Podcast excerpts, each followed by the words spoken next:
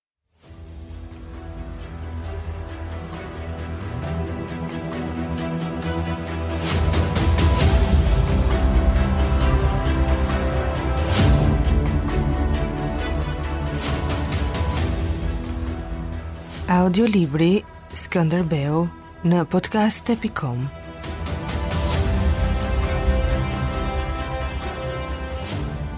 Kapitulli 17.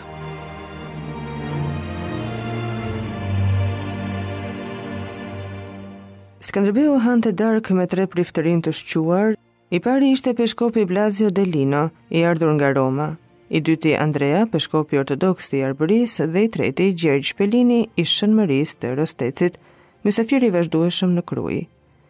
Hirësia e tij ka ardhur këtu për vullnetin e Papës që nuk i resht kujdesjet për vendin tonë, tha Skënderbeu. Papa i ri, Piusi i dytë, Ishte shpallur për kryqëzatën njëlloj si pararendësi i tij Kalisti i Tretë.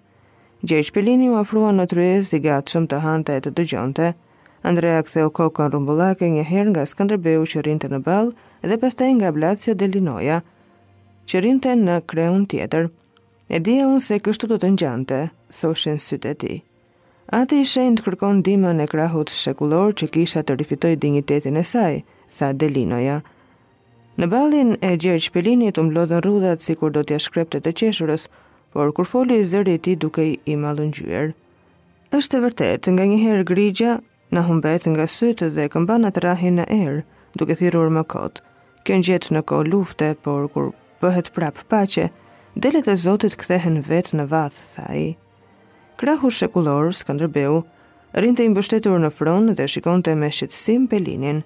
Abati e quante Delinon budalla dhe përgatitej haptasit të dërfrehej me të. Kisha duhet të shkojë pas popullit për të mos humbur atë nga sytë, tha Delinoja. Oh, sa për atë i nderuar atë, të jeni i qetë, ne të gjithë kemi shkuar pas popullit me vullnetin e krahut shekullor, tha Pelini. Skënderbeu që i merrte priftërinjtë ushtarë, bashkoi duart mbi tryezë dhe lëvizi në fron.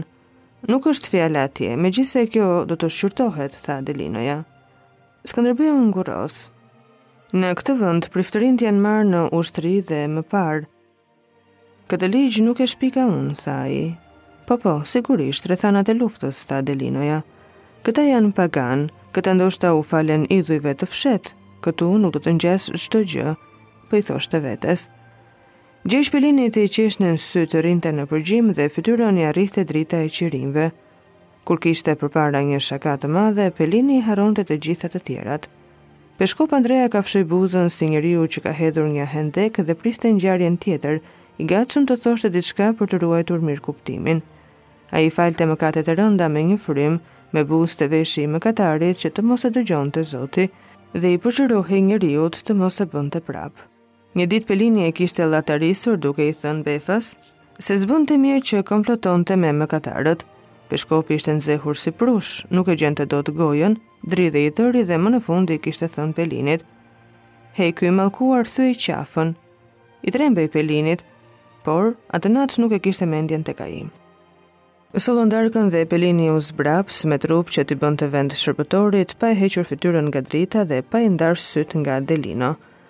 Ky dukej i zbetë dhe i turbullt, ai abati i djallit po kënaqej. Delinos iu duk sikur po i shkelte syrin. Ai kishte ardhur në Arbëri dhe dy vjet më parë që të procedonte Pal Dushin e Krajës, ish nunc apostolik i kryqëzatës pranë Skënderbeut, me tagër edhe mbi Dalmacinë e Serbinë. Ky Pali shtjelloi një energji që s'ishte parë në asnjë nunc.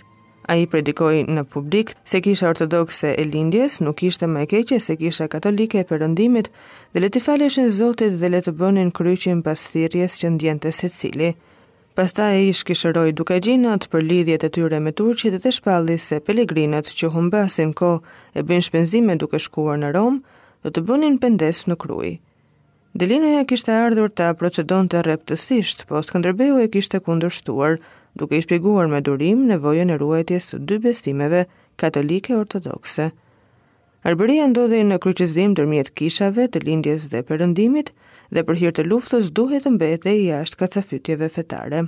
Në atë kohë, dy vjet më parë, Delinoja kërkoi të dënoheshin si herezi sjelljet e Skënderbeut, po Papa Kalisti nuk pranoi dhe Pal Dushi kishte mbetur në vendin e tij. Tani Delinoja ishte dërguar prapë në këtë vend gjysmë pagan të vendoste epërsinë e kishës katolike.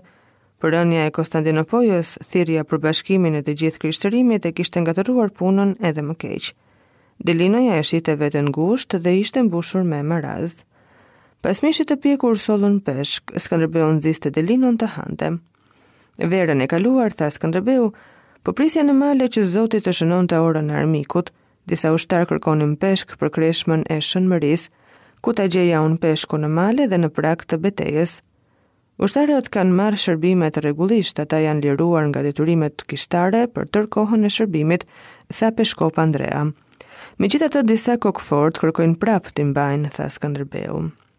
Gjergj Pelini me fytyrën e ndezur nga darka i rrinte gati bisedës me të cilën do të qeshte më pas. Duhet parë ndonjë nga kanonoret për ushtrinë, tha ai. Delinoja u errësua. Ai ishte i vendosur të mos e linte bisedën të rrëshqiste dhe një herë dhe tha: Nuk është fjala tek ushtria. Kapiteni i përgjithshëm i selisë së shenjtë mund edhe të ndërrojë ndonjë kanunore sipas nevojave të luftës. Puna është tek populli, dukej se ai kishte një armë rezervë që do ta nxirrte në kohën e duhur dhe fërkohej pas saj, duke ndrydhur nervat që ta mbante të fshehtë sa më gjatë. Pelini hante peshk e pinte verë dhe fliste sheshit. Këtu i gjithë populli është në arrati. Kanunet e lirojnë njeriun nga mbajtja e kreshmës, kur është në udhëtim dhe i sëmurë, tha ai. Këto kanune nuk e ndalojnë kishën të shkojë tek i sëmuri dhe te njeriu në udhëtim, tha Delinoja. Tani ai mezi e përmbante dridhjen e duarve. Ai kishte dyshuar që në fillim se abati i Rotecit ishte një heretik, por e dinte se ishte njeriu i afërt i Skënderbeut. Kjo i nderuar vëlla si do të bëhet? e pyeti Peshkop Andrea plot shqetësim. Duke i shkoqitur fjalët një nga një, duke mos parë nga asnjëra anë dhe njëkohësisht duke i parë që të tre, Delinoja tha. Selia e shenjtë kërkon që në Arbëri të bëhen altarë të lëvizshëm, në shpellat e maleve, në kullotat verore, në mullinjtë, kudo që janë njerëzit, duhet të shkojë kisha. Ajo s'mund të qëndrojë në themelet e saj të patundura dhe t'i shërbejë vetes. Krahu shekullor duhet të na ndihmojë ta kthejmë grigjën në vath, me të mirë a me të keq.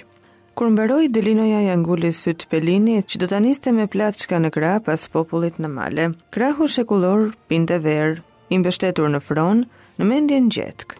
Berati dhe dy vjetët e tradhtive të mëdha kishin qenë si një tërmet që mund të përmbyste vetë tokën. Kur tërhiqej brenda vetes, siç po bënte tani, Ai sillte në kokë një mendim krejt të tijën, që e ruante me kujdes si një bimë që ujitet çdo ditë nga pak. Sidomos pas Ujëbardhës, kishte mendimin e çuditshëm se populli i tij nuk thyhej.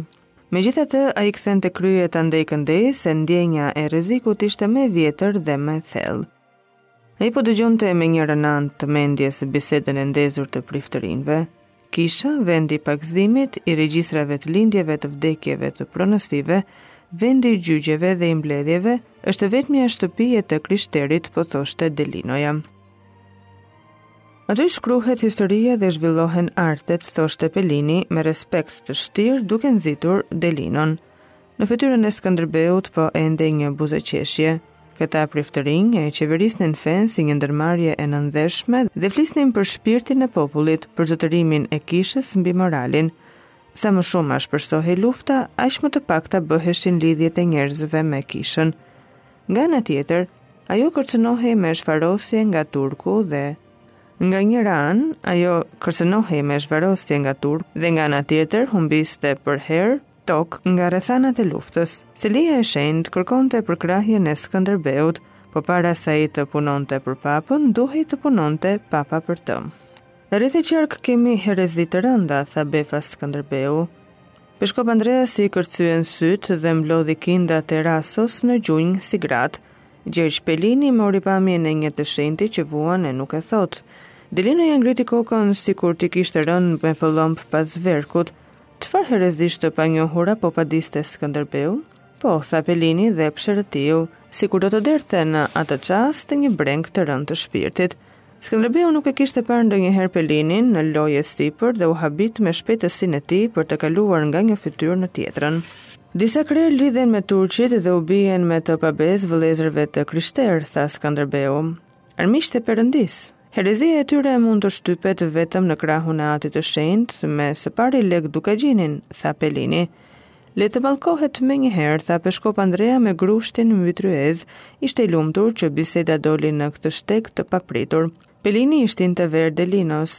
Pi, o njeri i shenjtë, na e bëj këtë nder neve, varfanjakëve, që varemi nga buzët e tua, thoshin sytë dhe fytyra e përvuajtur e Pelinit. Delinoja zbehej sa herë i drejtohej abati. Ky duhej të ishte vetë djalli dhe prandaj nuk po mundohej të shqitej prej tij, megjithëse përpiqej të mos e shihte. Pelini e kuptonte këtë gjendje të Delinos dhe përpiqej t'i rrinte sa më shumë ndër sy. Skënderbeu lëvizi në fron, Pelini po kalonte masën. Delinoja u kthye prapë në Krujë dy muaj më pas dhe solli brevën e Papa Piut për Dukagjinët. Lekë e Nikollë Dukagjini, bij të Palit, paralajmërohen me shkishërim. Brenda pesëdhjetë ditëve do të bëhet denoncimi, bllokimi, ndalimi kryqëtar mbi fshatrat dhe mbi qytetet. Do të ndizet e do të shuhet qeriu në çdo emër dukagjinasi që shkishërohet, do t'u jepet atyre rrëfim para vdekjes, po jo vdekje kanonike.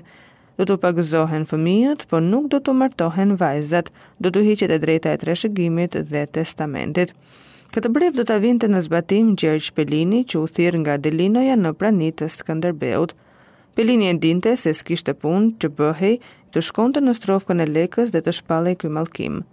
Ky Delinoja që kishte vënë emrin e Pelinit para papës, nuk paskësh qenë një budalla aq budalla. Dukagjinët mund të mos i lejojnë dinjitarët e kishës të hyjnë në zotërimet e tyre, tha Skënderbeu. Donte përkrahjen e Vatikanit deri në fund për të sjellë dukagjinët në krahun e tij. Aq më keq për ta po të ngrenë krye ndaj atit të shenjtë, tha Pelini. Në e bëfshin këtë, mallkimi do të shpallet në qytetet e Arbërisë dhe në udhëkryqet nga zbresin dukagjinët.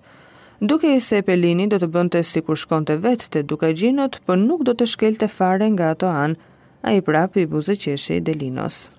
Pal Engjëlli, kryepeshkop i Durrësit, po zinte gjithnjë e më shumë vendin e këshilltarit të parë të Skënderbeut. Ambasadori i përhershëm Pal Gazuli merrej me Raguzën dhe vendet e largëta të Europës. Abat Pelini rrihte rrugët e Napolit, Romës e Venedikut.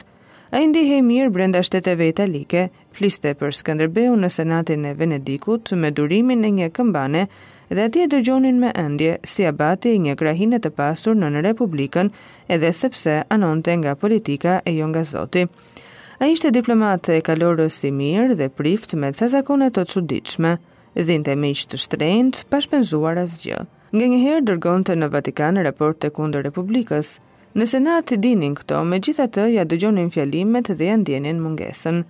Më një gusht të vitit një mijë e katërqind e pesëdhjetë e tetë, Pelini i tha dogjit Kristofor Mauros se Skënderbeu ishte gati të sulmonte Lekë Dukagjinin e mallkuar që i shërbente turkut.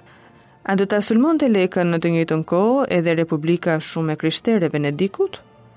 Dogji e mbuloi me togën e bardhë interesimin që i ngjalli kjo pyetje e hapët dhe e papritur.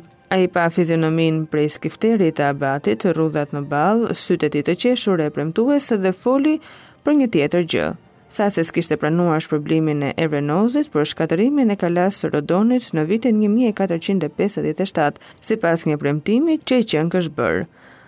Ky ishte një gjest miqësie ndaj Skënderbeut. Pelini i falënderoi për gjestin dhe për Rodonin e shkatërruar. Dy ditë më pas, Dogji i tha Pelinit se Këshilli i Vogël kishte votuar për të sulmuar Lekën. Danja do t'i jepej Skënderbeut, tokat e tjera të Dukagjinëve do të ndaheshin përgjysmë. A do të nënshkruante Skënderbeu një traktat me Republikën në këtë fushatë? Pelini s'tha as po, as jo dhe u zhduk, ashtu siç kishte bërë edhe herë të tjera. Skënderbeu i rrinte sipër dhe i sillej rrotull principatës së dukagjinëve, Leka po bashkonte principatën e tij të përçarë. Gjithnjë nga pak, me përkrahjen e turkut, ai kishte shtrirë sundimin mbi Zadrimën e mbi Pultin dhe po kalonte në anën tjetër të Drinit. Ai ëndërronte shkëlqimin e emrit të tij në kufijtë e stërgjyshit dukës Gjin. Skënderbeut i duhej të tërhiqte Lekën në anën e tij, me këtë ai siguronte krahët nga veriu dhe dilte në vijën e mbrojtjes Lezhë-Prizren, që dikur ndante kufijtë e Bizantit me barbarët. Skënderbeu po i bënte Lekës një shtrëngim të dyfishtë me Vatikanin në njërën anë dhe Venedikun në anën tjetër. Mbi Lekën rëndonte bashkëpunimi me Turkun dhe dënimi kishtar, rëndonin edhe dyshimet për vrasje të fshehta në të kaluarën. Këto mund të shfajësonin sulmin e Skënderbeut ndaj tij, por Leka do të thërriste një ndihmë nga turku, që do të ishte i lumtur të përfitonte nga kjo luftë vëllavrasëse në Arbëri. Veç kësaj, ndarja e tokës së Dukagjinëve mes Venedikut dhe Skënderbeut do ta vinte këtë nën padijen e grabitësit të një principate të vjetër të Arbërisë në bashkëpunim me të huajin. Skënderbeu veç do ta kërcënonte Lekën me anë të Venedikut, por nuk do ta sulmonte. Ai u mendua gjatë dhe më në fund bëri një provë rreth bashkëpunimit me Venedikun. Pa përfunduar asnjë marrëveshje, sulmoi turqit në krahinën e Shatit, pushtoi kështjellën e vogël dhe doli buzë Drinit në Danjë. Menjëherë arriti në Lezhë flota e Republikës. Laurent Mauro, kapiteni i Adriatikut, i kërkoi Skënderbeut në emër të Senatit kalanë e Shatit, që varej nga Danja, ndërsa krahina t'i mbetej Skënderbeut. Venediku mund të thërriste Turkun dhe Lekën kundër Skënderbeut. Ai dorëzoi kalanë dhe mbajti krahinat. Nëse nuk mundej dhe nuk duhej të sulmonte Lekën me ndihmën e Venedikut, ai do të priste çka do të bënte Vatikani.